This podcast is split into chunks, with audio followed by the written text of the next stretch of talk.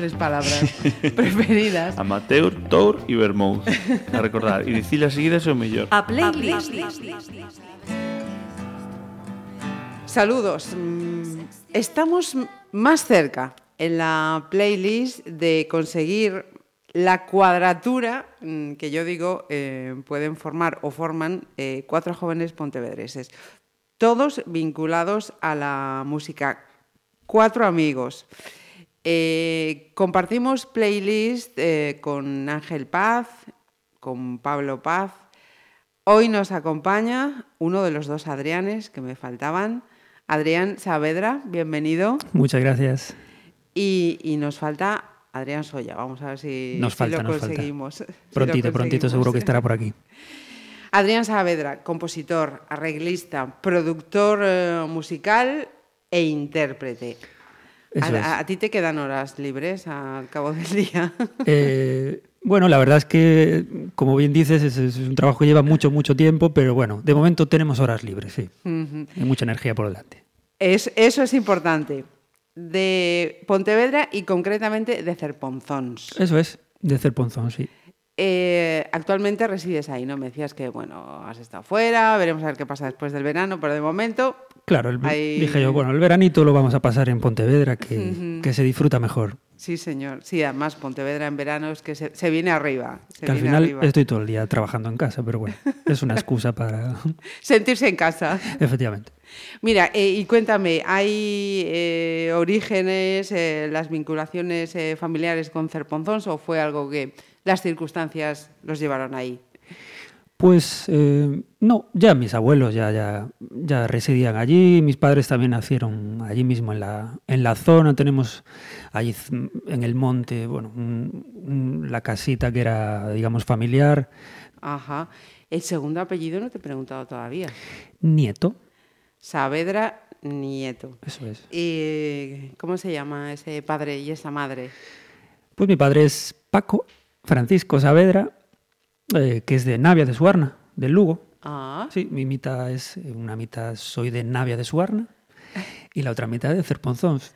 ujú. Y tú me preguntarás, ¿y cómo, y ¿Cómo cómo llegas a Sí, confusión? Sí, pero bueno, supongo que, que por cuestiones de la vida, pues mis padres coincidieron en un trabajo y a partir de ahí, pues la historia continúa. Eh, acabo de descubrir hace poco que también hay una hermana, por lo menos una hermana. Sí, hay. sí, de hecho estuvo de cumpleaños ayer, o antes de ayer, el 11, sí. Y, y sí, Natalia, Natalia. ¿Y es mayor o más No, pequeña? más que- pequeñita. que 20 Adrián? bueno, 25. Ajá. Estamos ahí, ahí. Bien, Sí, bien. Eh, ¿Músicos en la familia o has sido tú el primero? Pues mira, eso siempre fue una pregunta que me, que me surgió siempre porque decía yo, pero vamos a ver, yo que estoy prácticamente, no sé si, si, si, si loco o completamente de- dedicado a eso, digo yo, esto tiene que venir de, de algún sitio porque es que si no, no, no, no lo entiendo en qué momento, ¿sabes? En qué momento surgió eso. Entonces, sí que tengo un tío que, bueno, que, que estuvo trabajando en, en, en orquestas de verbena durante un tiempo, pero no sé hasta qué punto es, o sea, yo creo que a mí eso no me influyó. La verdad que fue, todo surgió un poco en la, en la guardería. En la guardería. En la guardería, sí. Yo creo que a través también de mi, de mi, de mi prima, que, que, que ella iba a piano, y entonces, pues yo tenía que ir a piano. Que decir, como iba mi prima, pues eh, yo también pasé mucho tiempo con mi, con mi madrina, eh, que, que, bueno, que ayudaba a mi madre, digamos, en, cuando yo era pequeñito. Y digamos que un poco surgía todo por ahí. Ujú. Y luego, y en la guardería ya fue desde. O sea, no me, no me acuerdo de en qué momento empecé con el piano. O sea, recuerdo que, que ya estaba. ya, Ujú. yo ya tocaba el piano. Mira, mm, ¿recuerdas, Adrián, mm, quién te cantaba de pequeño, quién te enseñaba canciones? Aquí viene, viene, vi- viene una parte que, que, o sea, mi madre siempre le, le, le- le- le gusta, le gusta cantar mucho y, o sea, ella lo hace de per se, ¿no? Quiero Ujú. decir, no. sin- Va, va con ella, sí, es sí, de, sin mayor. Entonces. Sí, muchas veces estoy por la casa y se escucha una voz a grito pelado cantando Isabel Pantoja, yo qué sé. Ella siempre me decía que, que- que le, que le gustaba muchísimo y que, y, que, y que todo eso, pero bueno, quiero decir, mm, no, no fue, no fue eh, nunca más allá. Pero, y yo, y yo por mi parte, pues eh, no sé, fue, fue más bien, no sé, fue, mm, tuve que encontrar, sobre todo en, en, la radio un montón, porque cuando era pequeñito era todo, era todo en la radio, cogías los cassettes y te grababas. Eh, si podías pero encontrar. Es jovencísimo para sí. meter los cassettes. No, en... no, pero ya era, era la época. Ajá. Sí, sí, sí. Uh -huh. Sí, yo cuando tenía 10 años todavía eran los, eh, los cassettes y la radio. Uh -huh. Sí. Pillar era, corriendo esa entonces canción era, que era, era coger y cuando me sonaba, Mm. como cuando me sonaba algo que te que, gustaba. que, que, no sabía lo que era, pero, pero, pero me encantaba, era intentar eh, recogerlo y grabarlo y en la radio Mm. y, en, y en el coche o lo que, o lo que fuera. ¿Con los abuelos has tenido ocasión de convivir? Sí, sí, sí, también. también. Mm. Hace ya unos añitos ya que, que ya no están, pero, pero también. Eh, como te digo, siempre, sí, al final en la parte eh, musical pues siempre surgía en los días de fiesta, ¿no? Al final pues yo siempre, aparte yo de pequeño también tocaba, yo qué sé, pues tocaba el acordeón o tocaba mis pachangas y al final, uh -huh. claro, a los abuelos pues muchas veces pues es lo que le gustaba era eso, ¿no? En plan, pues el, el nieto que, que, que, que, monta la fiesta. Mira, ¿te ha costado mucho componer esta playlist? Pues no, no. De hecho, me, me, la verdad es que me, me, gustó mucho porque era bueno, era como, como volver a. No sé. Hacer un repaso. Sí, hacer un, hacer un repaso. Y, y, es de estos repasos que, que, que, me los hago todos los años. Anda. ¿Sabes? Es como que llego, llego un día al verano, no sé, que estás así un poco tontorrón, ¿sabes? Sí. Y después pues me voy a poner una de. de hace. Tal. tal que... Pues fue un poco lo mismo.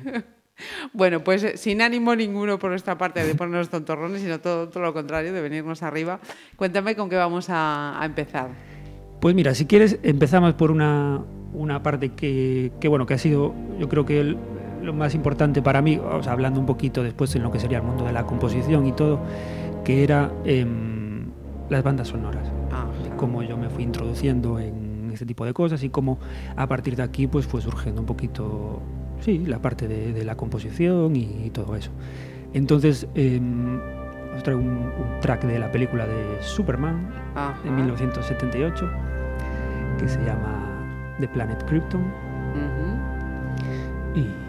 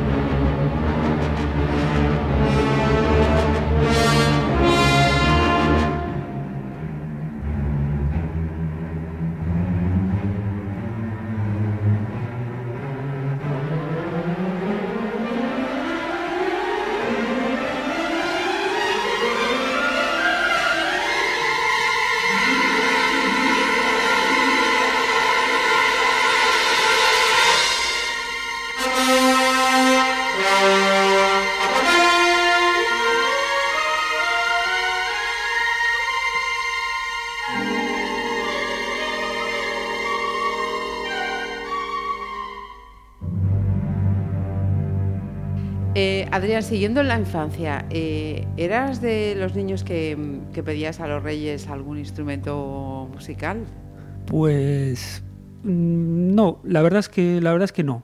Quiero decir, también, eh, bueno, en mi familia, pues era una familia muy humilde y hasta cierto punto, pues eh, muchas veces de estas cosas que sabías que no podías que no podía ser. optar a, a ciertas cosas. Entonces yo me lo tomaba con, con tranquilidad y bueno, ella, ella irían surgiendo mm, que si instrumentos, que si equipos. eh, Que, o sea, recuerdo que hasta que tuve mi primer ordenador, que fue un, no sé, un Pentium 4, que un Pentium 4 era ya era de lo La más moderno de- con respecto a los Pentium 1 o lo que fuera, no sé. Entonces tardé muchos años en tener un, un ordenador con respecto a, a mis otros compañeros de instituto o, o algo así. Entonces, eh, en ese aspecto tampoco nunca me, nunca me, me- me preocupó eso. Sí que, sí que mm, tenía mi, mi teclado, mi teclado sencillito también. Y yo básicamente con lo que tenía, pues era con lo que con lo que Disfrutabas sí disfrutaba y, y- acababa haciendo me buscaba yo la vida para para, para poco a poco seguir, eh, bueno, seguir, yo qué sé, nutriéndose, nutriéndote a, a ti mismo.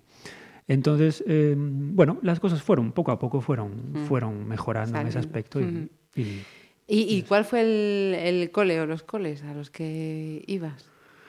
pues mira, de pequeñito estuve en el Sagrado Corazón, también a raíz de mi, de mi prima, a raíz de mi prima, y ya luego se nos hizo un poco caro pagarlo y ya me pasé a la Xunqueira 2. Ajá. cuando, cuando empezó mi hermana también, mm, lo que sería el, El- colegio en el primer año. Y nada, hice todo, hice todo allí y ya luego, ya luego estuve en, en- a la vez estaba en el conservatorio, Ajá, sí, de- esa es de- otra parte que te en el conservatorio de Pontevedra y ya luego eh, conservatorio superior y luego fui a Barcelona y bueno, todo ya vale. continuó un poquito. Eh, después de allí en hiciste primaria, secundaria. Sí, eh, mm, Eso es, sí, sí, sí. ¿Y en el conservatorio a qué edad entraste? Pues mira, es que, no sé, siempre hay, siempre hay historias para contar. Yo estaba en una academia que era la de Aurora, que muchos la, la conocerán, que era, es- era una profesora, bueno, es una ¿Era- profesora. ¿Era Pablo o era Ángel los que estuvieron también? Pablo creo que estuvo, Pablo, sí, sí. Vale. Sí, sí. Y pues una academia de, de- de- de- batalla, como, como le llamo yo. En plan, mm, no sé si la parte educativa era la más correcta o no, esto no, que no se entere nadie. Pero era Ahí la forma que tenía y nosotros nos adaptábamos y, y al final pues el que, el que valía y el que realmente lo mm, quería disfrutar pues salía adelante y vamos, es que sí salía.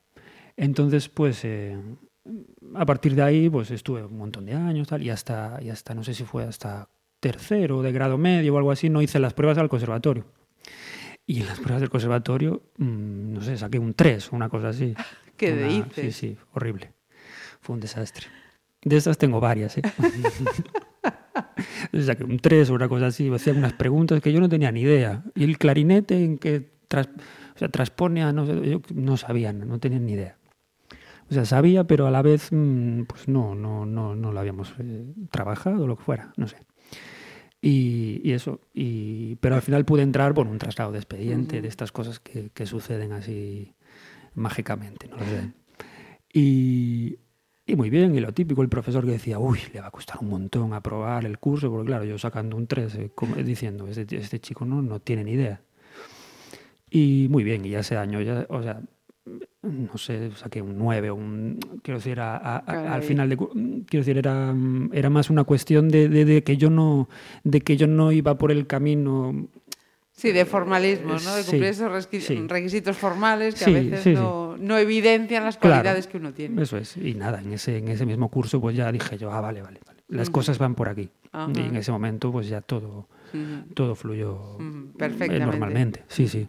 Mira, ¿y qué te tiraban más? ¿Los libros del conservatorio, las clases del conservatorio o las de la Sonqueira?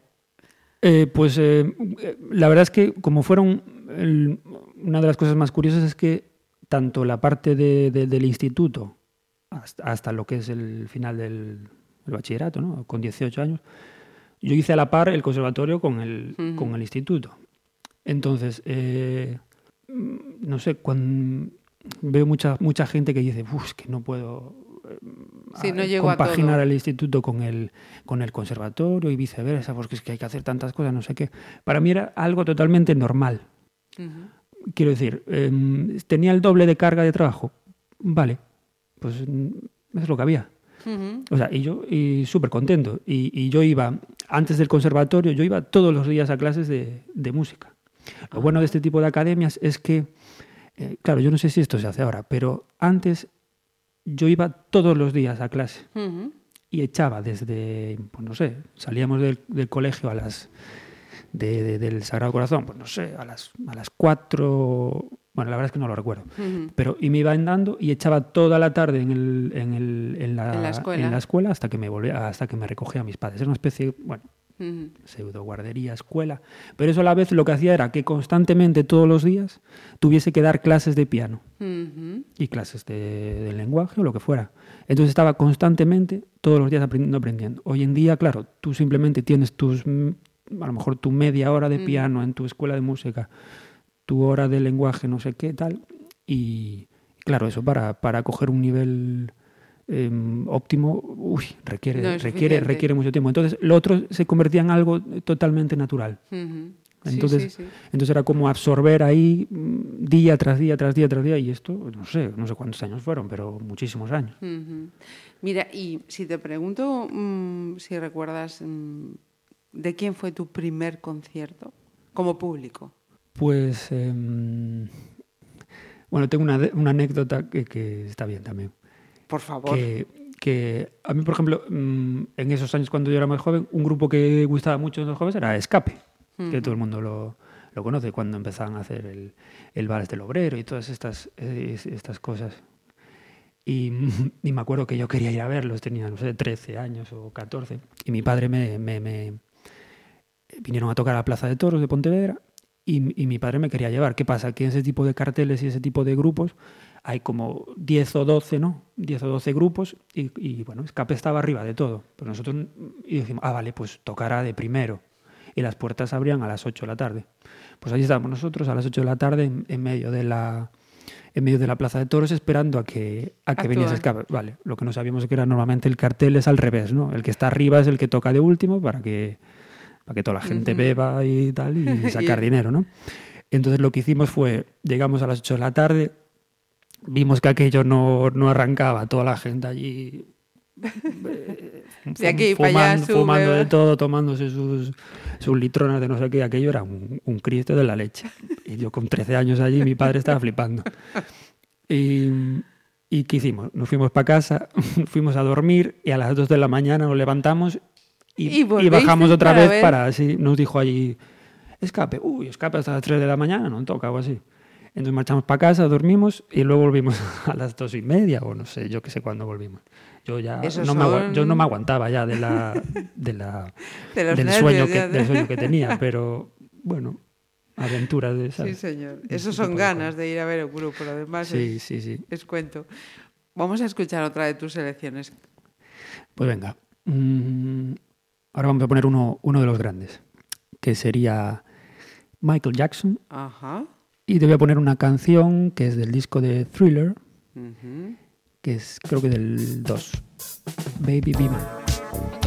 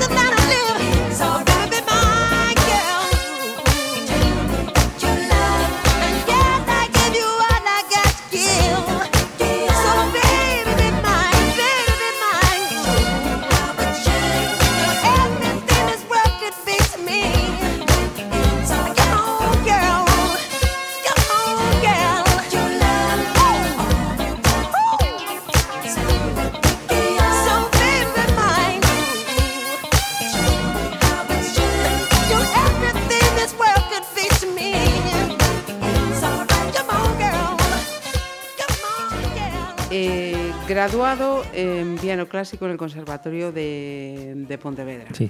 ¿Cuántos años estuviste estudiando en el conservatorio entonces? Pues eh, bueno, como te decía, como entré más tarde, pues eh, mm, no sería el completo, pero en, en teoría son, vamos a ver, son seis, cuatro.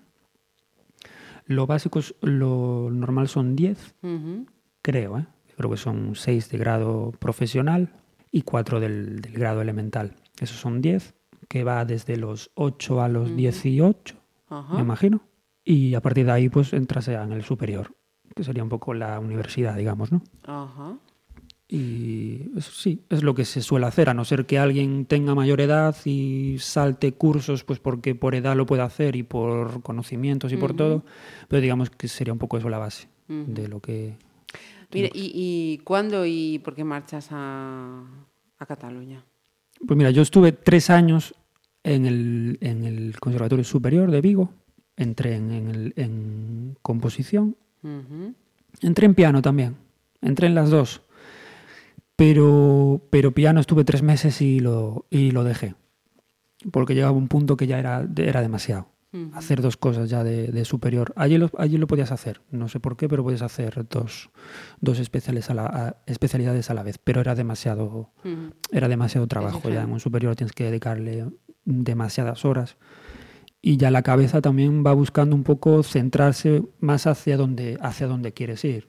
Entonces, yo en este caso escogí más, más la composición mm, que no tanto mm, el piano. Sí que el piano eh, sabía que me serviría a mí de cara al mundo de la composición, entonces digamos que el, el piano lo dejé más de lado. Sí que me seguí formando por mi cuenta y siempre el piano estuvo presente o lo que sea. Y así, y surgió un poquito, yo también estaba en, en- el superior de Vigo también, daba clase de, daba clase de, de guitarra con, con... Ay, se me acaba de ir completamente. con. Tomás, con Tomás. Camacho, que era, perdona Tomás, si me estás escuchando. Y, y hablábamos un montón, o sea, tocábamos, pero también hablábamos un montón de composición y tal, y me gustaría hacer bandas sonoras para cine, no sé qué tal. Y, y un día no sé cómo surgió mm, de ir a Barcelona, pues porque allí eh, tienen profes dedicados que son exclusivamente mm, eh, compositores de cine y tal, y entonces, eh, bueno, había como un, abanico súper amplio de, de posibilidades que en Vigo no, no, no No había. había. No sé Ujú. ahora, pero eh, por aquel entonces no, no había. Entonces era como, ¡buah, qué pasada! No sé qué. Y, entonces, y no sé cómo surgió mm, la posibilidad eh, de, de- de- de que también había la posibilidad de, hacer traslados de expediente de, Ujú. de una cosa a otra. Y recuerdo que un día estaba hablando con, con Tomás de esto, de, que, de que quería ir a Barcelona, y al día siguiente fui a Barcelona. Esa ese mismo día hablé con Tomás por la mañana y, y- y- y por la noche cogí un vuelo para el día siguiente, que no sé cuánto me, cuánto me valió, y me planté allí para hablar con el jefe de estudios y todo, y yo quiero hacer esto y no sé qué, y le llevé partituras y cosas tal, y no sé, y me vio tan, me vio tan Entusiasmado. tal, que, que me, que me aceptó el traslado de expediente y no hice ni prueba ni nada. ¿Y esto qué, y esto qué ocurre? Que, que yo me presentaba para tercero de grado, eh, de, de- o sea, tercero de- del, del superior. Ujú. Y la verdad que fue un tute. El primer año hice 16 asignaturas.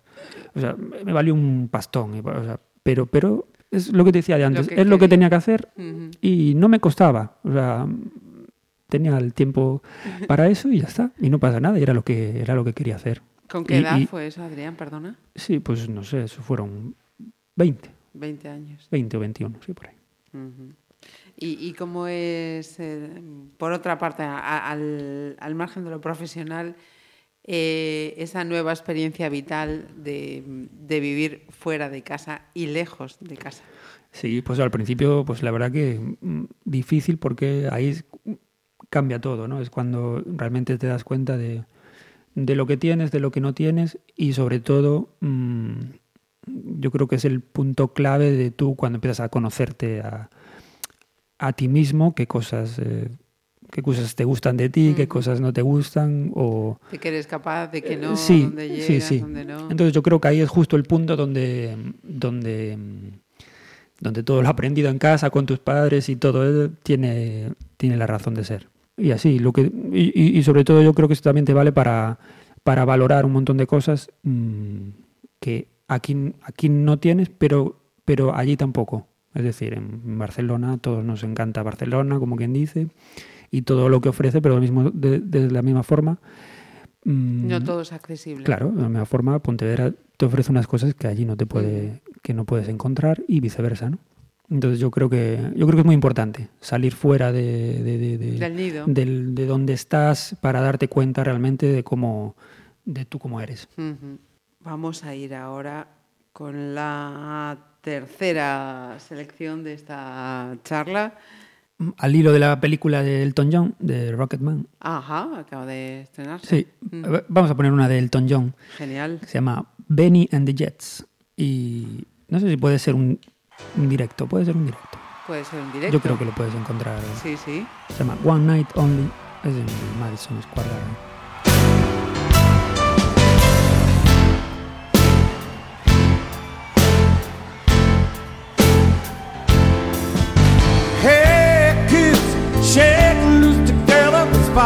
didn't stop it, and now to change the world up. We qualified and cold tonight, so stick around. You got a air electric music, solid walls of sound. Rock, piano, rock, every single yeah. I put the stars face down, but Benny and the chair.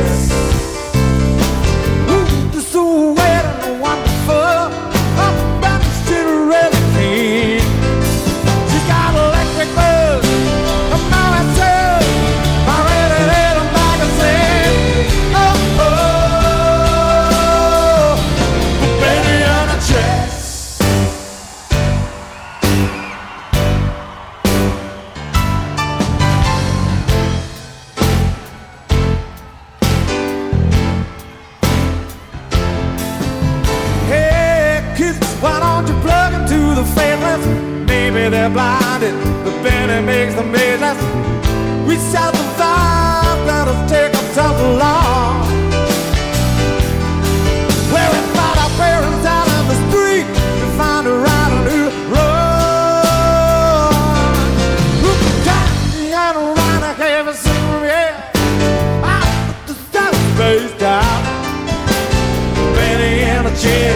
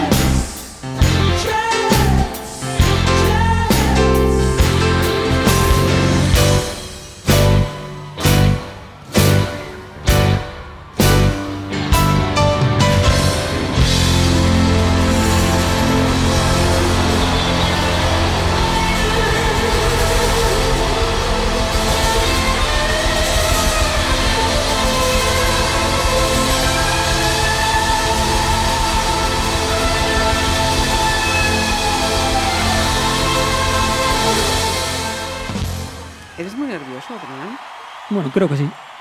Dicen que sí, pero sí, creo que sí. De los casi, eh, creo, 32 años que tienes, Sí. eh, si pudiésemos hacer una separación entre horas y, y- y días de, de- de tu vida, como tú prefieras, en horas o, o en días, eh, la mayoría eh, ganaría de forma arrasadora las que estás tocando, componiendo, produciendo, Sí, sin duda alguna. sí, sí, sí. Sí, sí, yo eh, no sé, mm, yo me... mm, ya, lo, ya lo comenté alguna vez y es, no, no recuerdo el momento Un solo antes a, a- a que no hubiera música. Ujú. O sea, fue una cosa que, que- que siempre estuvo ahí. Y de hecho llega un punto que. Llega, yo creo que llega un punto que si no sabes gestionarlo bien te puedes volver un poco tarumba. Gaga. Tarumba, ¿sabes? Porque, porque es cierto, porque a- aparte a mí me pasa, me pasa mucho que, bueno, yo hago un montón de, de, de producciones eh, musicales o, o arreglos o cosas donde tienes que estar trabajando sobre la misma melodía durante horas. Ujú. Tú imagínate estar picando piedra durante horas, al final acabas escuchando el Piedra, martillo, clink, el martillo. Pues esto pasa igual. Yo cuando acabo, no sé, puedo estar, eh, no sé, cinco horas por la mañana y otras tantas por la tarde, con, con lo mismo todo el rato. Al final del día eh, lo estás escuchando, cerebro- lo estás escuchando seguido. Es, com- es como cuando se te mete una melodía en la cabeza que dices tú, joder, qué pegadiza es que no se puede. Pues imagínate, imagínate yo o, o el que haya hecho esa melodía Sí, o, sí. o lo que sea, ¿no? Entonces eso, eh, mm, bueno, es como un símil muy claro de, de- de lo que de lo que le afecta a un músico, mm, sobre todo Estar- las cosas que está que hace él propiamente. Entonces, bueno, yo creo eh, en eso estoy trabajándolo, ¿eh? Porque lo que sí que Lo estoy dejando, ¿no? Que- sí, que porque tengo claro que eso quitando. me, me puede volver loco. Cuando, ahora porque tengo 30, 32, pero cuando tenga 80 años, no sé, no sé cómo voy a gestionar eso. Me estoy Voy a tener que ir vaciando la RAM. Reseteando ¿sabes? de vez en cuando, sí, Sí. sí. No es imposible. Mira, lo has citado ya en, esta, en este tiempo que llevamos de charlas, seminario eh, permanente de jazz. ¿Qué, qué, qué es para ti o qué ha sido para ti? Pues mira, yo estuve, creo que 2007, estuve un añito solo. y todo esto partió un poquito también antes de, o sea, mi, introducción, digamos, en lo que es más la música moderna o el, y el jazz y bueno, y todas las, y todas las eh, vertientes, funk, soul y, y todo lo que va así un poquito más unido. Surgió también eh, un poquito antes en el, en el seminario de, mm, de música moderna de Monforte que allí eh, los compañeros de, de la escuela de Atempo de aquí de Pontevedra mm, crearon allí una- un seminario también y venían profes, bueno, que al final fueron eh, compañeros como Carlos Calviño, como eh, Pilis, José Luis Migueles. Eh, digamos que a partir de ahí fue un poco donde, donde yo fui entrando más en lo que es la, la música moderna.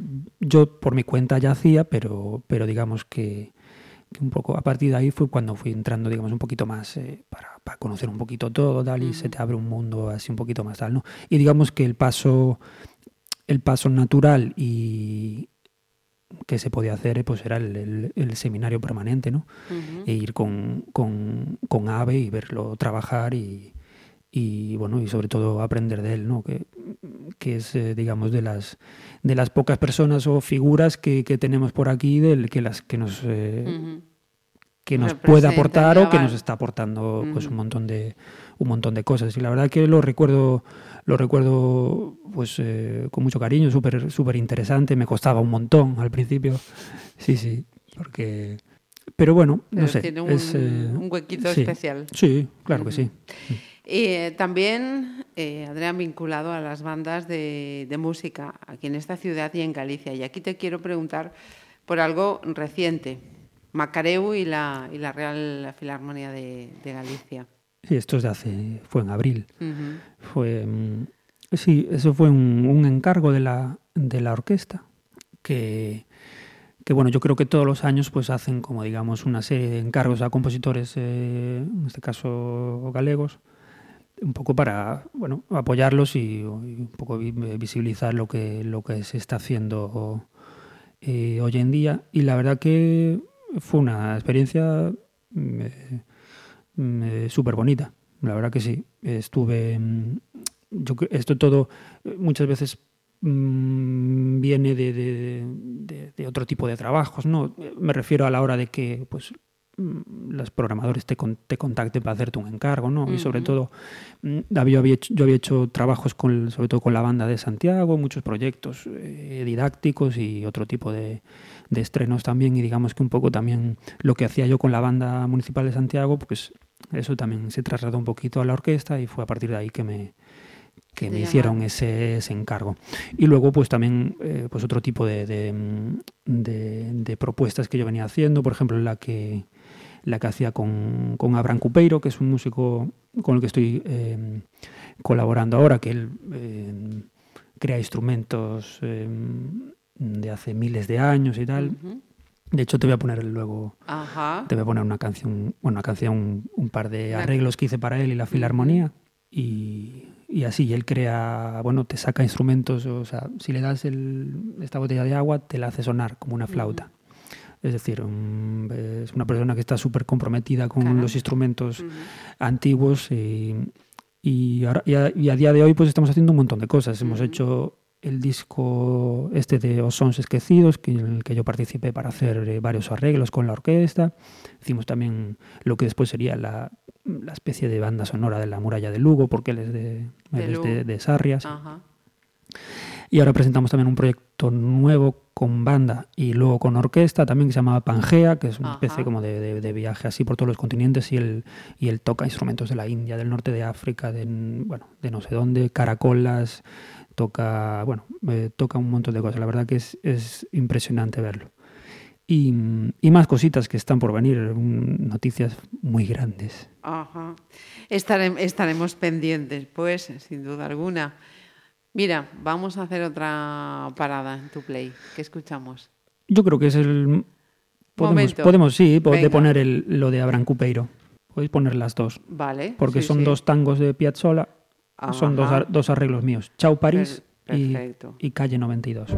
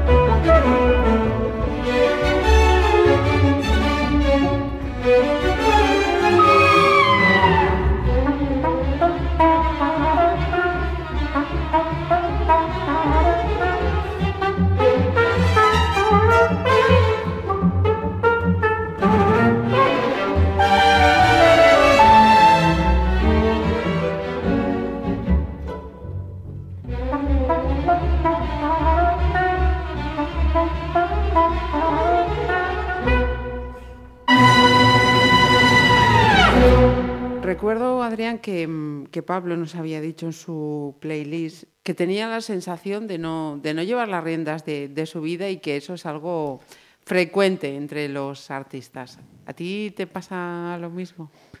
Sí, yo creo que mm, cualquier músico, mm, bueno, eh, artista, ¿no? En general, me imagino.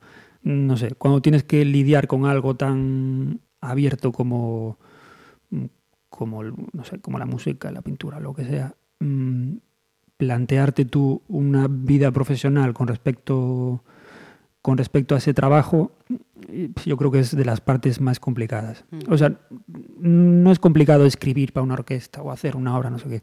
Es, yo creo que lo más complicado es conseguir vivir de ello, ¿sabes? Y conseguir hacer, pues, eh, no sé, tu cartera de clientes o tu... O, o- o no sé, o conseguir los proyectos que, que realmente, eh, primero, te aporten eh, Una mm, estabilidad. una estabilidad económica para, para vivir y luego que a su vez eso también no se convierta en un mero hecho mm, de crear productos por crear. ¿no? Como, bueno, todos hemos hecho cosas que, que a lo mejor no, no nos gustaría hacer sí. o, o de la misma forma que un artista pues da un pelotazo con una canción que no le representa mucho, pero es lo que le dio dinero en su momento y, y vive de ese tipo de cosas, ¿no?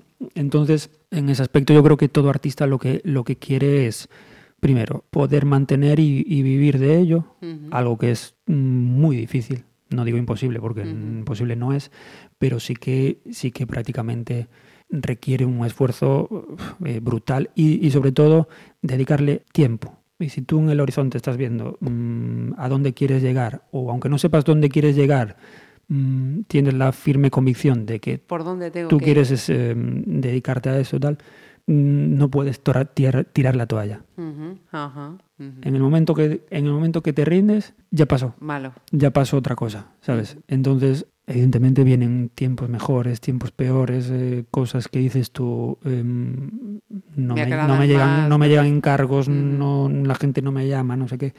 A eso nos, nos pasa constantemente. Otra cuestión que también le, le planteaba a, a Pablo y que ahora mm, voy a repetir, pero, pero variando, lógicamente, un, un nombre.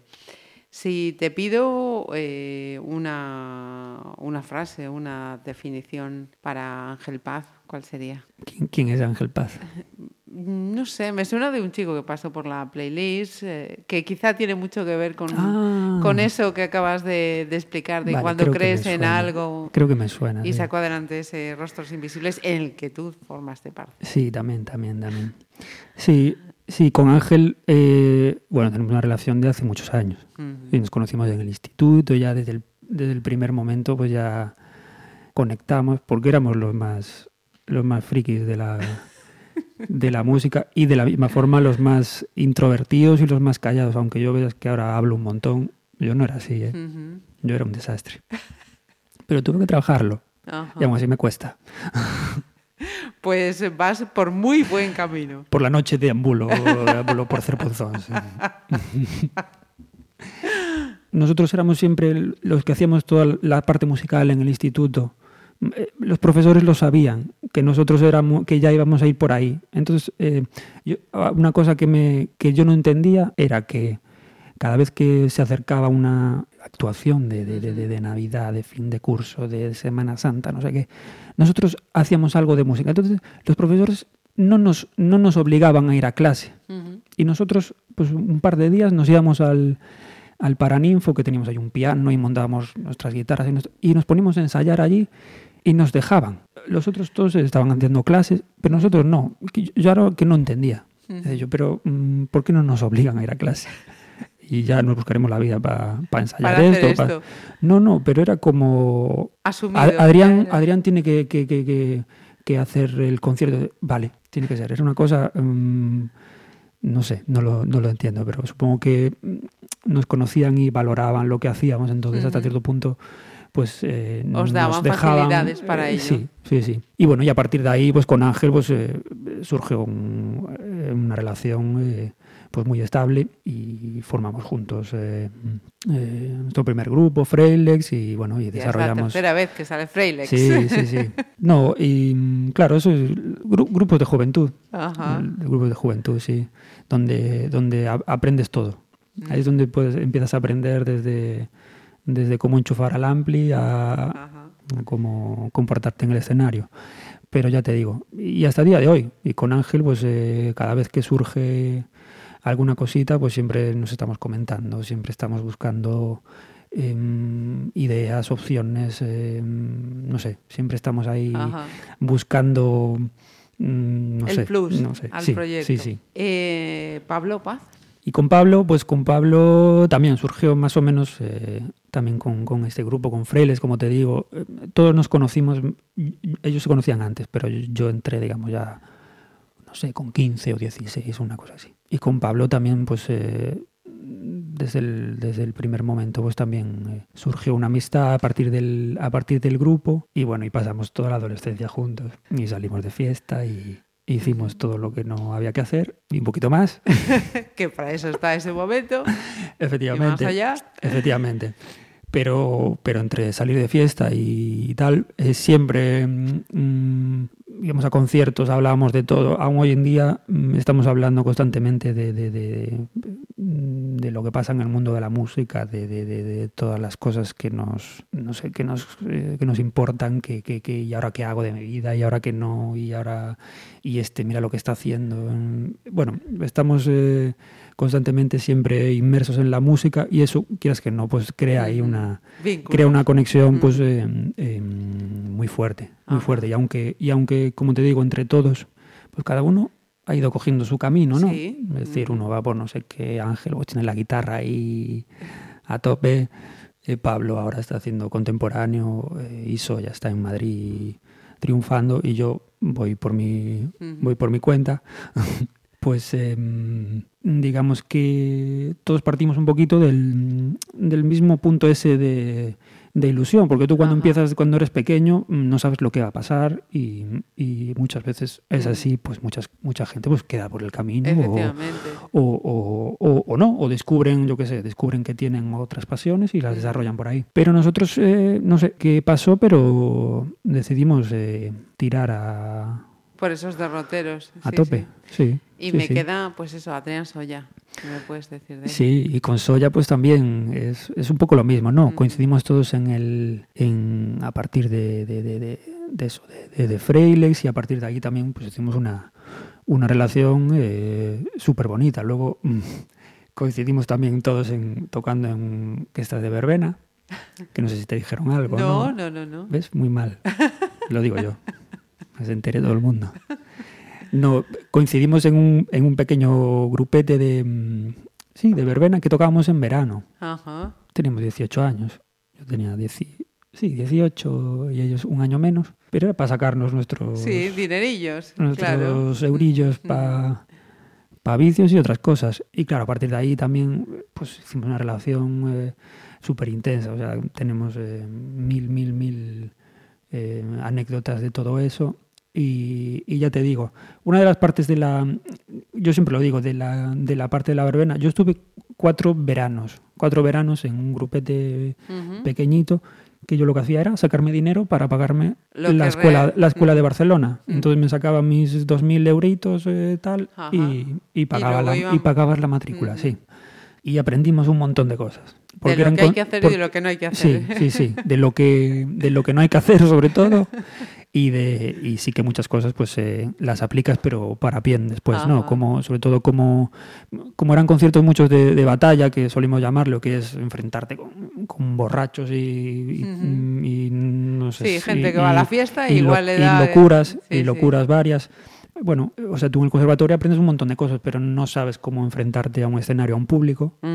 No sabes cómo, no sé, mantener la calma, saber em, nociones de sonido por si surge cualquier problema. Mm, es decir, mi- mil historias que, que- que- que te da la experiencia que no tienes Claro, en un en un no tienes en ningún sitio em, de enseñanza. Entonces, eh, ya te digo, a partir de ahí, mm, bueno, son todo buenos recuerdos. Hacemos otra... Sí. Otra selección. Pues mira, la última así de, mm, digamos, de los tiempos mozos.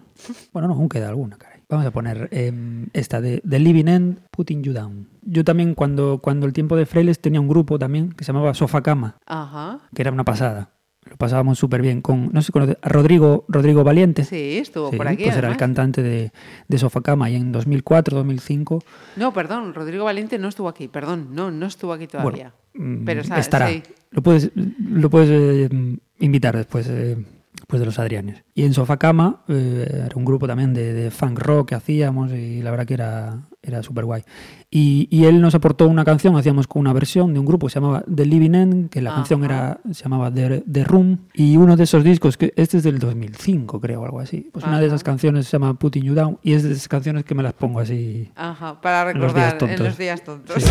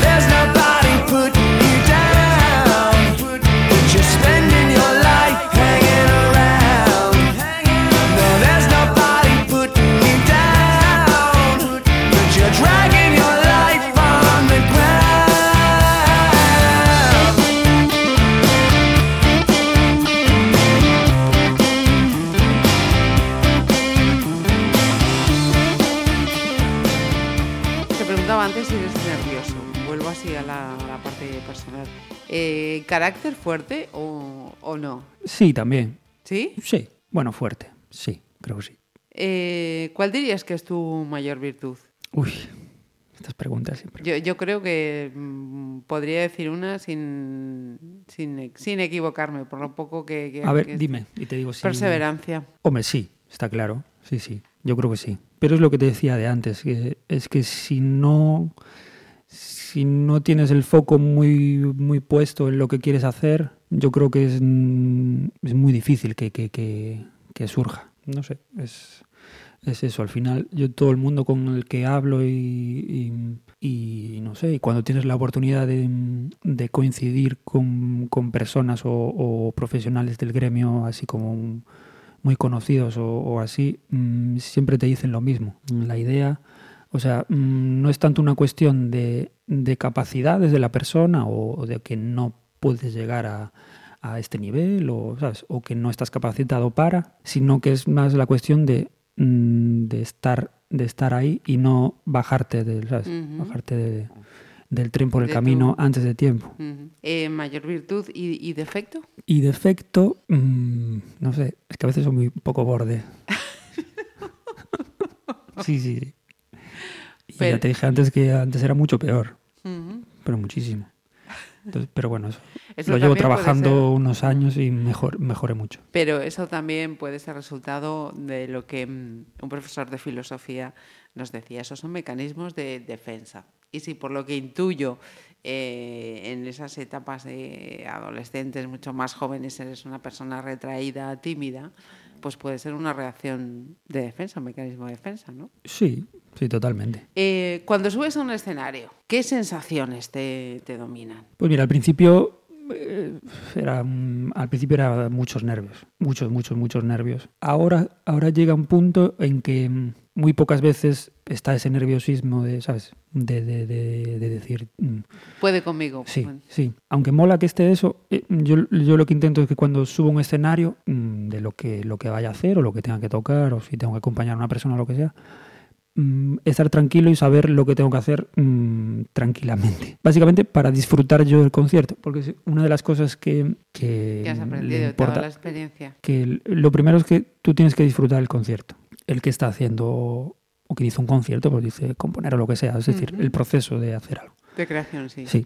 Entonces, em, si tú no lo disfrutas, mm, la- mm, tú lo que estás transmitiendo esa energía al público mm, No llega. No llega. Entonces, em, para eso hay que estudiar un poquito antes de subirte a un escenario o, llevar las cosas más o menos organizadas y, luego, eh, y sobre todo, tener la tranquilidad para, para hacer las cosas. Entonces, eh, bueno, eso a través, como te digo, a través de la, de la experiencia, la preparación y estar bien enfocado en lo que tienes que hacer en cada, Cada en cada momento. Eh, vamos a la parte compositor y, y cine, eh, porque mm, en, tu, en el ejercicio de tu profesión creo que eres mm, cuatripitidor con Judith Casas. ¿Qué, qué, qué hay ahí en ese binomio? Sí, sí, pues con, con Judith nos conocimos por, por internet, del típico, el típico anuncio de este, se necesita músico para, para corto o algo así. Y, co- y, conecta, y contactamos de la casualidad de que era de Celanova, aunque no sabíamos... Eh, ¿De dónde sí. eras?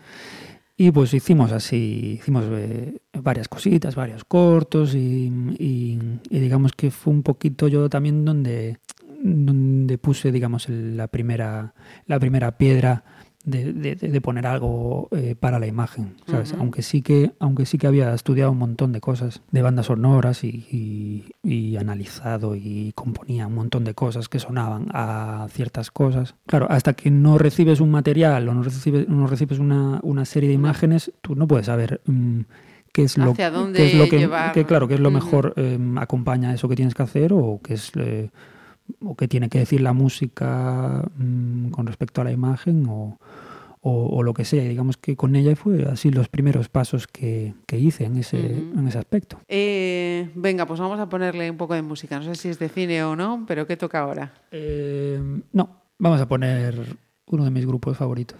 Ajá, perfecto. ¿Se llama? Toto. Ah, Y mira, te voy a poner, a lo mejor podemos poner dos también, venga. porque una dura muy poquito. Sí.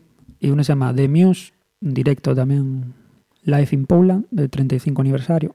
Y como dura dos minutitos, a lo mejor podemos poner Stop Loving You. Podemos perfectamente.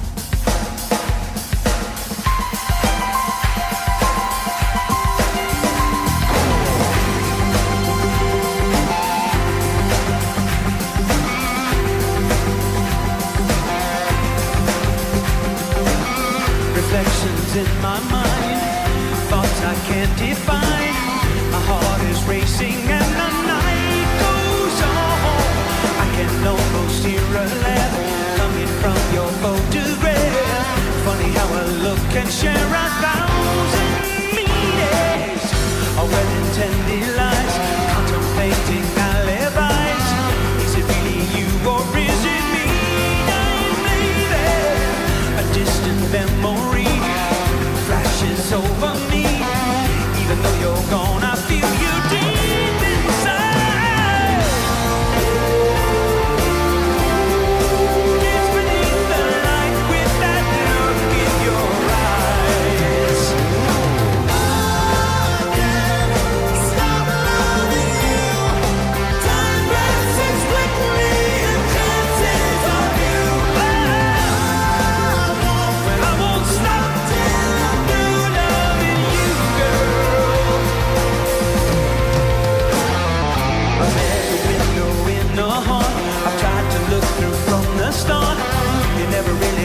what someone else is thinking. Broken something new, an ever altered point of view.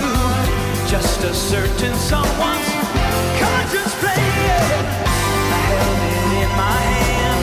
I did not understand what lives inside the wind.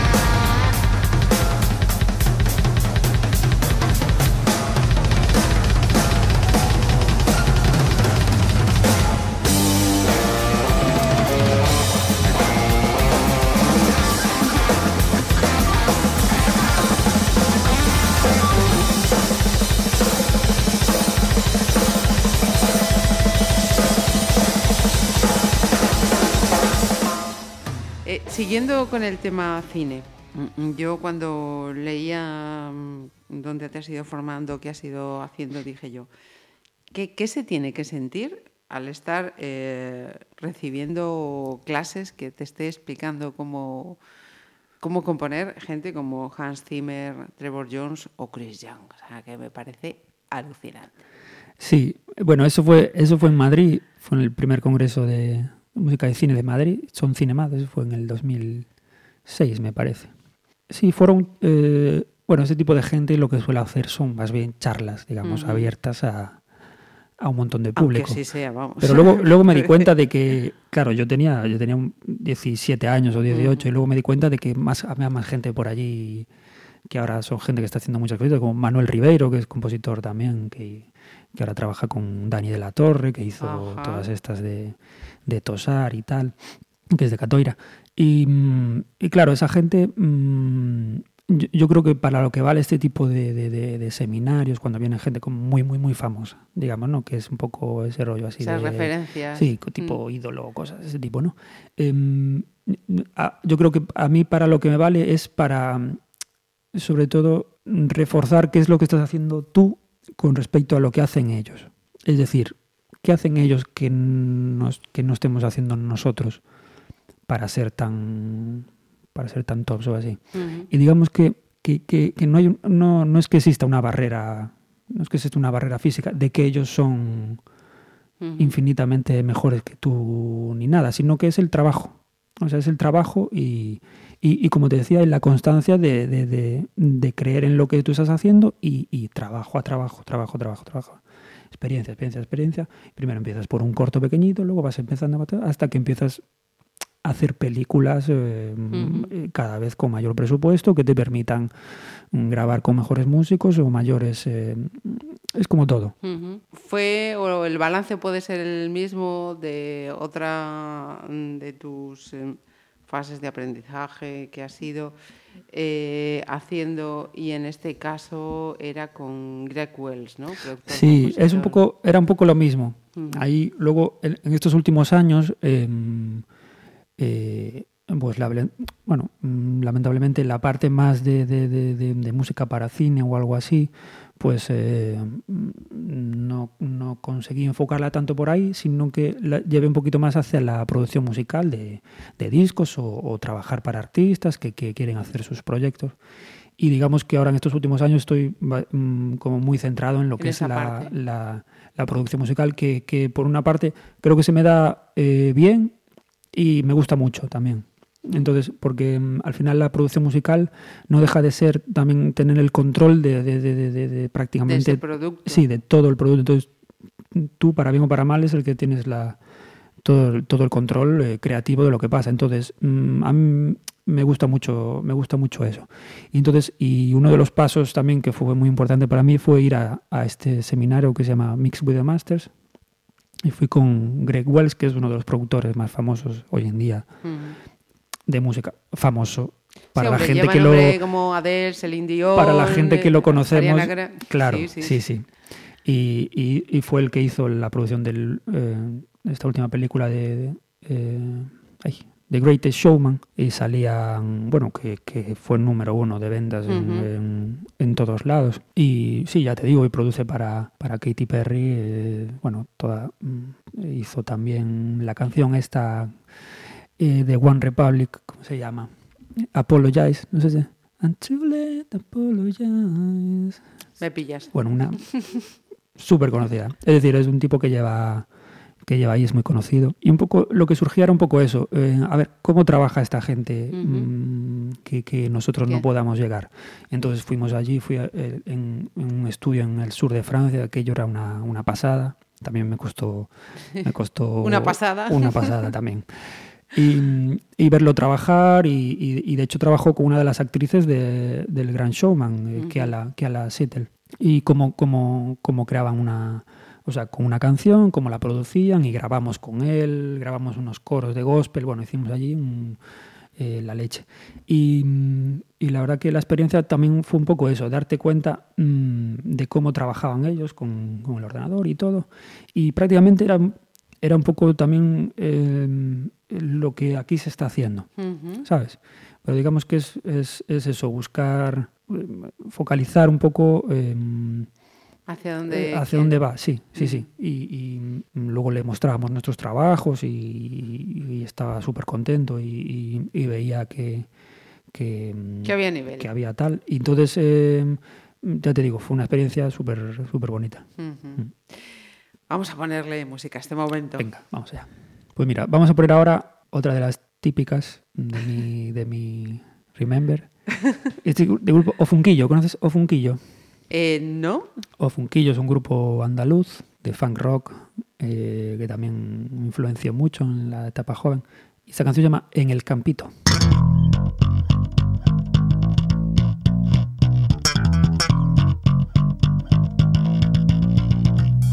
En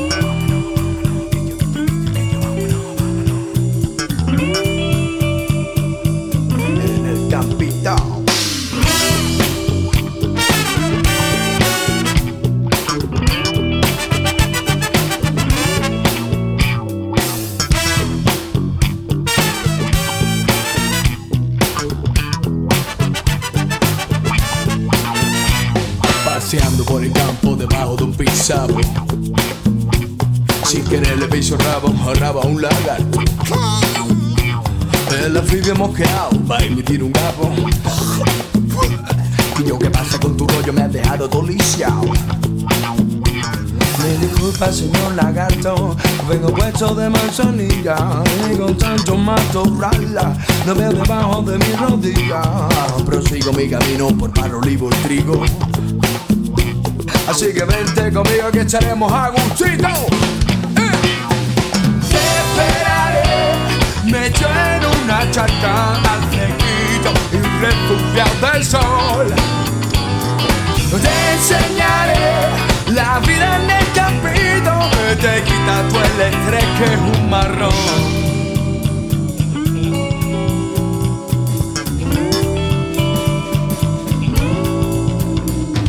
Prosigo mi camino por barro, olivo y trigo Fijándome donde piso bien Para no hacerme más enemigo. Llego un arroyo y me tiro al agua. Y buscar luchar yo del ocho brillo a la garganta. El arroyo estaba empezado Empezado de lodo tóxico Así que del tirón al hospital Al hospital más próximo. Y esto de un encanto la vida en el campo. Sacamos el mantelito, un choricito y un vinito. Te esperaré, me echo en una charca y al fresquito y refugiado del sol. Enseñaré la vida en el campito que te quita el estrés que un marrón. Esperaré, me en una charca y al fresquito y refugiado del sol. Te enseñaré la vida en el campito que te quita el estrés que.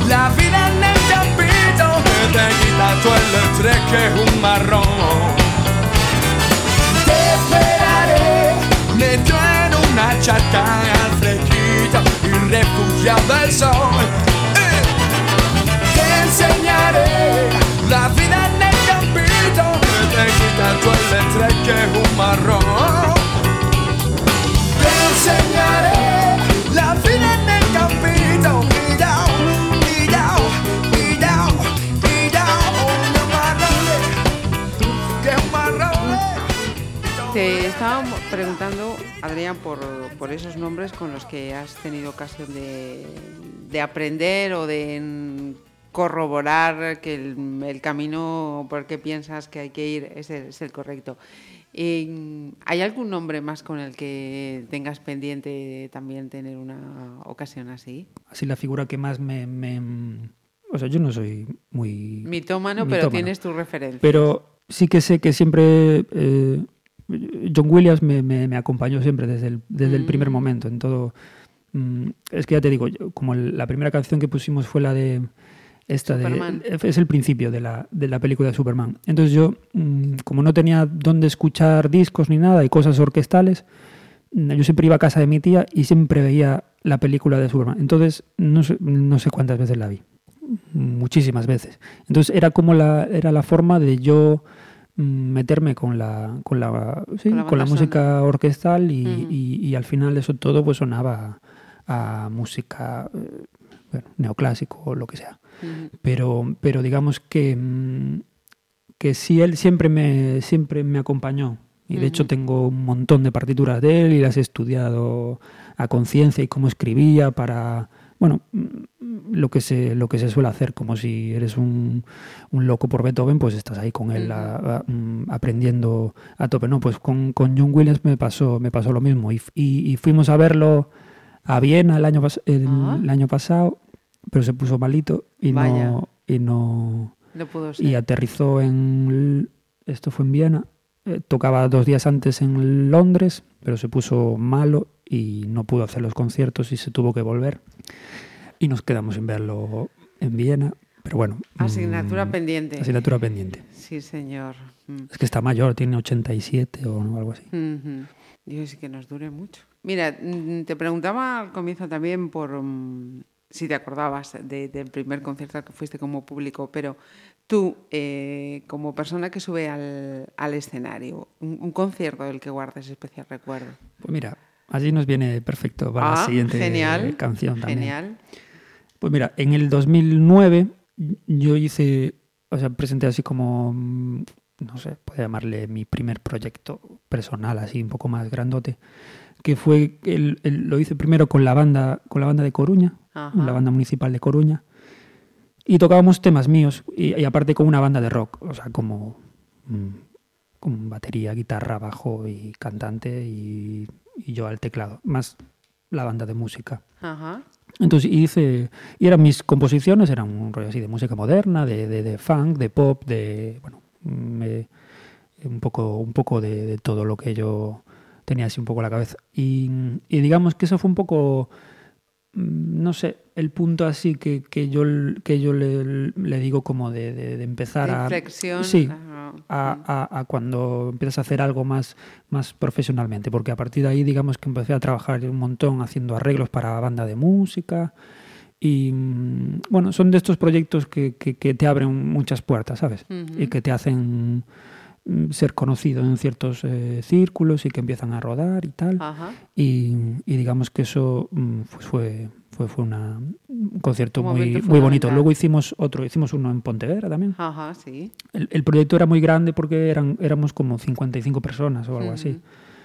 Entonces, a nivel de producción y todo, pues era muy caro. Entonces, lo hicimos tres veces solo. Hicimos uno en Coruña y luego hicimos dos en Pontevedra. Uno hicimos en Las Peregrinas en 2012, creo.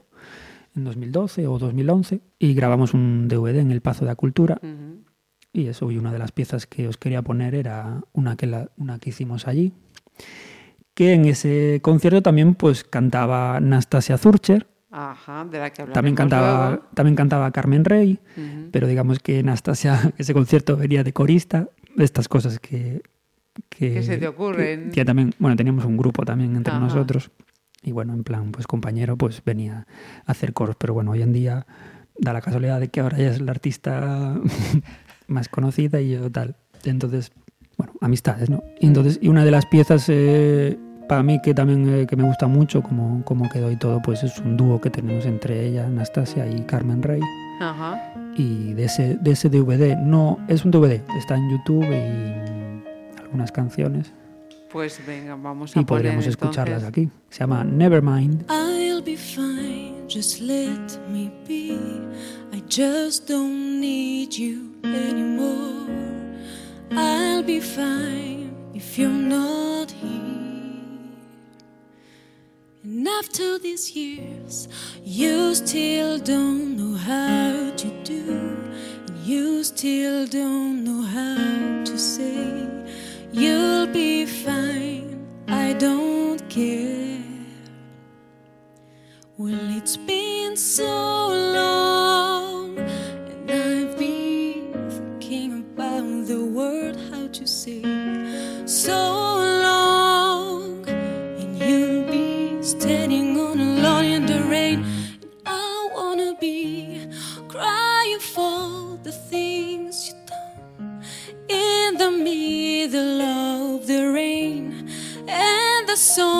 you sung for me. Never mind, just let it be. Crying for the things you done. Wash away, just let it rain. And the songs you sung for me. Never mind, just let me be.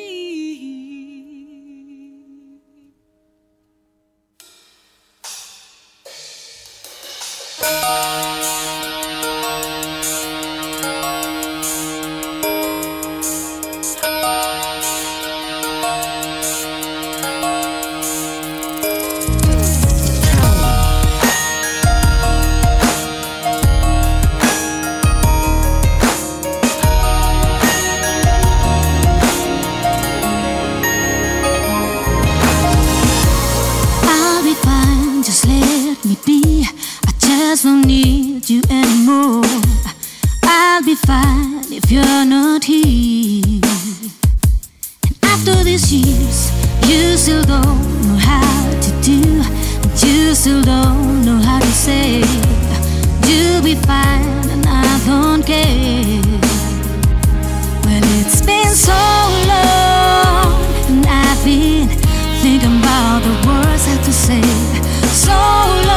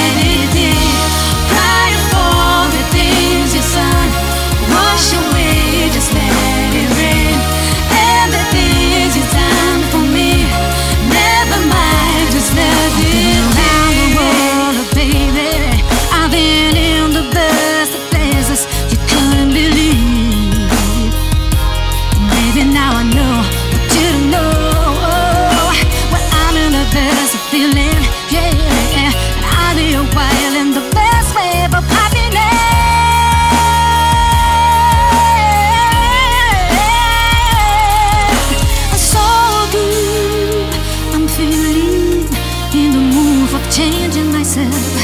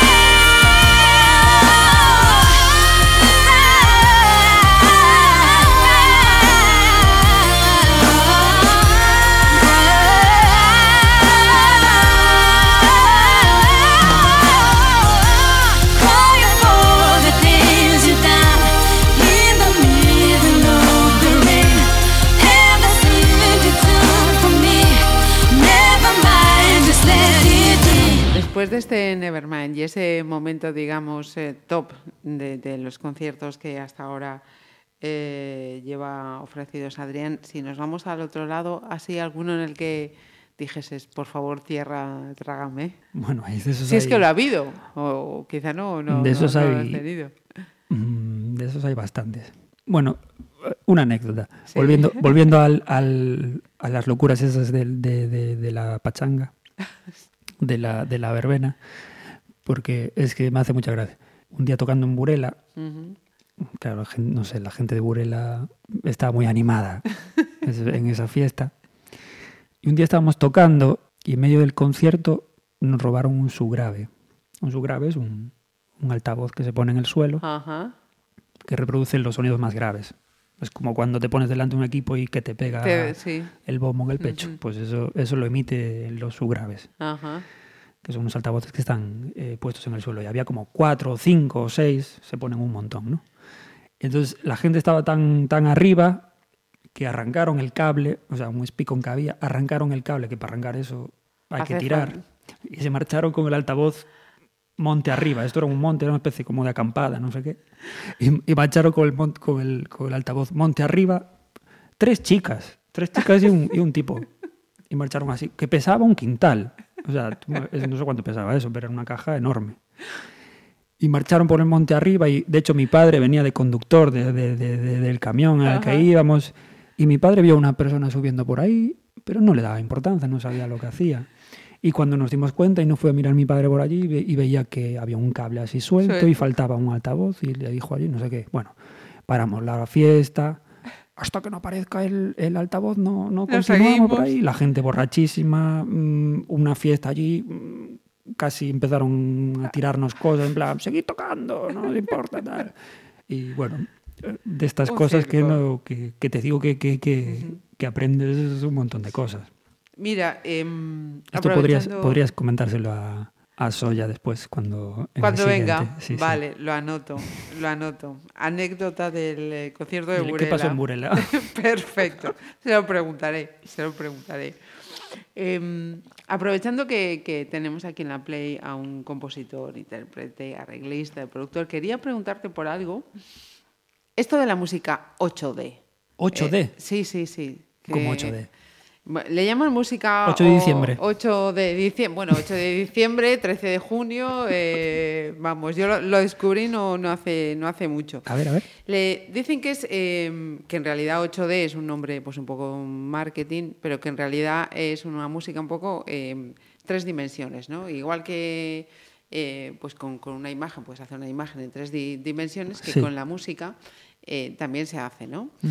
Que unos dicen que es música de- del futuro, otros dicen que no, que grupos como Pink Floyd ya habían eh, trabajado con este tipo de historias y es que eh, fundamental para percibir en todo su potencial esta música es que sea con auriculares.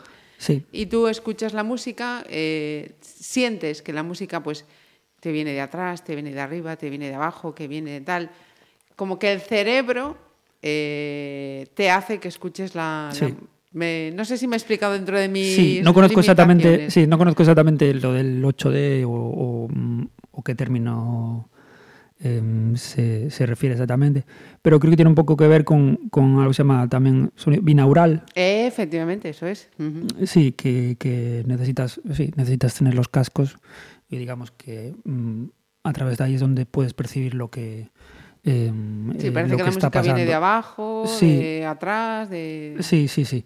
Y, y- pero claro, esto es una técnica de hace muchos años ya. Lo que pasa que, claro, no, pues a lo mejor no se desarrolló, digamos, en, el, en la parte más eh, mainstream, digamos, de la, de la música. Me preguntas si, si esto es- era la música del futuro. Mm, Sí, o sí, es simplemente un momento de marketing que ahora se está aprovechando y que tampoco es algo así tan innovador, tan... Claro, estas cosas. mm, Innovador. mm, No creo que sea tanto innovador. Quizás eh, muchas veces este tipo de nombres los utilizan precisamente como marketing de algo, ¿no? Es como cuando te dicen 8K o este tipo de cosas. Vale, pero no sé, si el vídeo no está en 8K, ¿para qué quieres una tele en 8K? Es decir, es este tipo de muchas veces de contradicciones que ocurren en la música mm, que están más pensadas quizás hacia el público o vender Hacia la ciertas venta, que en Sí, es un lo poco que como el un poco como lo que como lo que ocurre en el vinilo. Tú al vinilo o bien haces un producto es- específicamente destinado a, a luego imprimirlo en vinilo o tú no vale de nada que tú grabes en digital y eso luego lo imprimas en vinilo. No es que vaya a sonar mejor el vinilo. No sé si me explico. Sí, Es como sí. si tú haces una fotografía y la imprimes en papel, mm, ok, fotográfico, pero luego que le haces una fotocopia a ese papel, mm, no, o sea, no estás eh, Cada sacándole, soporte requiere claro, no estás sacándole el partido. diferente. Sí, el vinilo es que tiene menos agudos y menos graves por, por el por el formato físico del, del aparato en sí, entonces suena un poco distinto, suena más cálido, eh, pues porque no tiene tantos agudos, o sea, no reproduce tantas cosas. Entonces eh, es, es un poco eso, parte muchas veces del, del desconocimiento de algo y la y por otro lado la necesidad de vender de, de ciertas de ciertas máquinas. Entonces el 8D, pues no lo sé, pues será un poco a mí me tiene pinta de que es un poco un poco esto. De todas formas, mm, en la era en la que estamos, de que la gente escucha algo en mono, en un teléfono, en un, en un, en el un altavoz enano que suena fatal, mm, dudo mucho que, que pasemos a un 8 de Ajá. así de repente. no sé, no lo tengo claro. Antes de hablar de, de la parte de producción que tenía aquí previsto, vamos con la penúltima selección, Adrián. Pues mira, voy a dejar la de Anastasia para el final. Ujú. Voy a poner uno de un grupo que me, que me encanta, que se llama Dirty Loops. Ajá, otro descubrimiento, mira. Sí, este te va a gustar, ¿eh? Y esta canción se llama The Way She Walks. Este es un grupo que surgió en YouTube haciendo versiones de canciones así muy conocidas, pero dándole una, una parte entre mo- muy moderna, jazz, eh, pero a la vez muy, muy popero, muy tal, y es espectacular.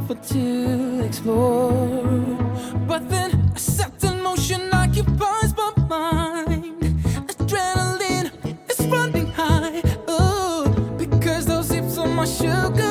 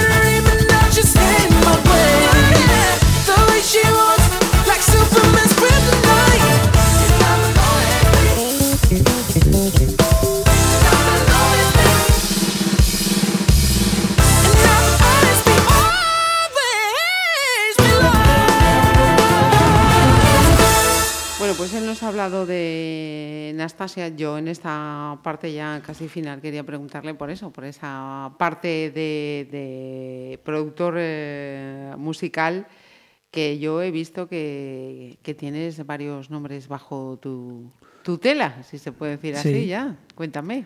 Sí, pues como te decía antes, ahora mm, la verdad es que en el tema de la, de la producción me siento muy, muy cómodo y sí, y en los últimos años pues estoy haciendo así bastantes eh, cositas. Empezamos con, bueno, había hecho ya cositas antes, eh, por ejemplo para un grupo que se llamaba Os Tres Tenedores, que habían hecho un libro disco para, para Galaxia, luego hice también un pequeño grupete Puntadas en Fío, luego pasé a... mm, eh, luego salté ya a, a trabajar con Anastasia, Anastasia había hecho su primer disco con otro, con otro productor en, en Andalucía y para el siguiente disco pues quería contar conmigo eh, como productor, ya habíamos trabajado años antes mm, ya en el concierto este de, de 2009 y en otros grupos, entonces ya nos conocíamos y, y ya sabíamos cómo, cómo trabajábamos juntos. Pero, y entonces pues hicimos el disco este, Beat, y que también para mí pues fue como una, un, también un punto de inflexión, ¿no? Entre, entre la producción que estaba haciendo antes, Ujú. eh, es decir, una producción más grandota, contar con, con músicos eh, más buenos y luego también mezclar todo eso, porque a mí me gusta, porque dentro de la faceta de un productor tú, tú puedes ser muchas cosas, o sea, tú puedes o bien ser productor de decir, eh, lo haces muy bien, adelante, sigue así y cobras por productor, vale. Eh, pero también un productor puede ser alguien que haga arreglos de- del grupo, puede ser alguien que exclusivamente mezcle un, mezcle un disco, pero bueno, también aporte ciertas ideas. Y sin embargo, a mí lo que me gusta hacer es todo. Es un poco como la figura de productor que había antes, por eso, eh, por ejemplo, me gusta mucho eh, Quincy Jones en esa, en esa faceta de que tanto te puede hacer una cosa para orquesta como te puede producir los mejores discos del mundo, como a su vez es, eh, ¿sabes? Mm, Mm, eh, mira, mm, ¿qué le pedirías eh, a, a la parte personal de Adrián? Si es que hay algo que, que le pedirías o estás satisfecho con el balance en estos 32 años. Pues Sí, sí, vamos No, yo, bien. yo soy sí, yo soy más partidario de que mm, mira, al principio cuando cuando me quería ir a, a Barcelona y veía las bandas sonoras y todo eso y quería ir a Hollywood quería tal, me di cuenta de que de que al final eso todo que, que- que había estado pensando durante años de que quería hacer tal no sé qué mm, de que no se trataba, al final no se trataba de eso. Entonces, yo estoy haciendo mis cosas poco a poco, estoy contento con lo que estoy haciendo, es- estoy siendo sincero con los trabajos que estoy haciendo y todo, ¿sabes? Y, y yo y la gente está contenta también con mi trabajo, y, o eso es lo que me dicen, no sé si por detrás. Pero, pero yo estoy contento y cada vez voy teniendo más trabajo. Ajá.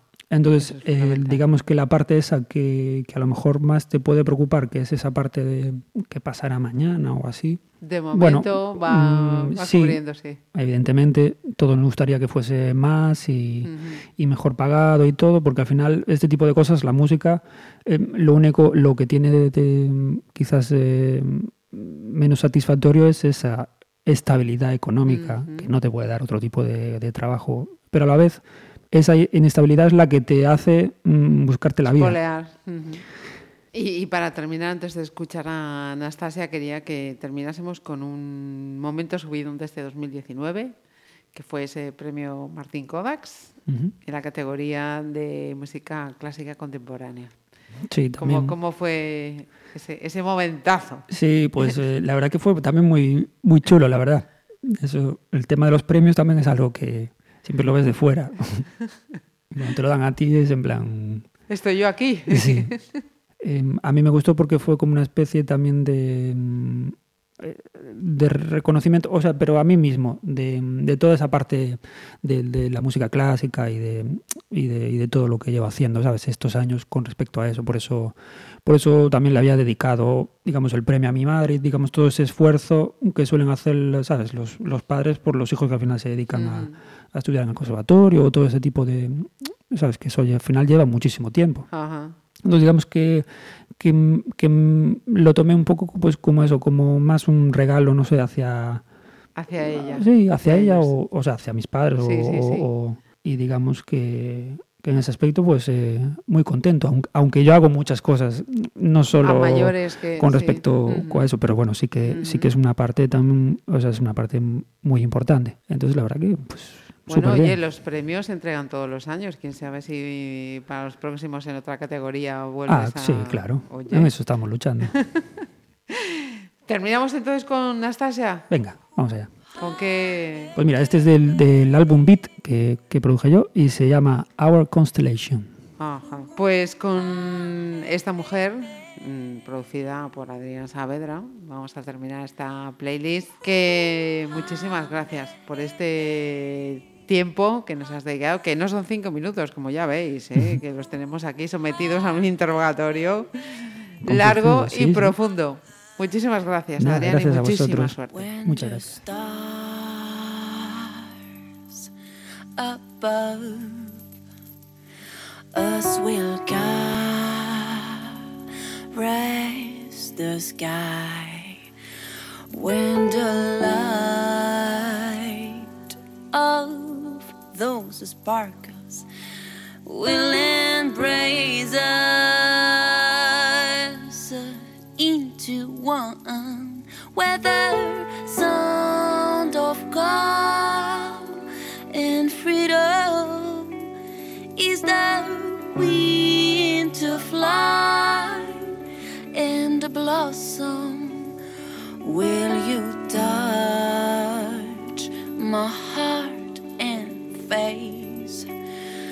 to be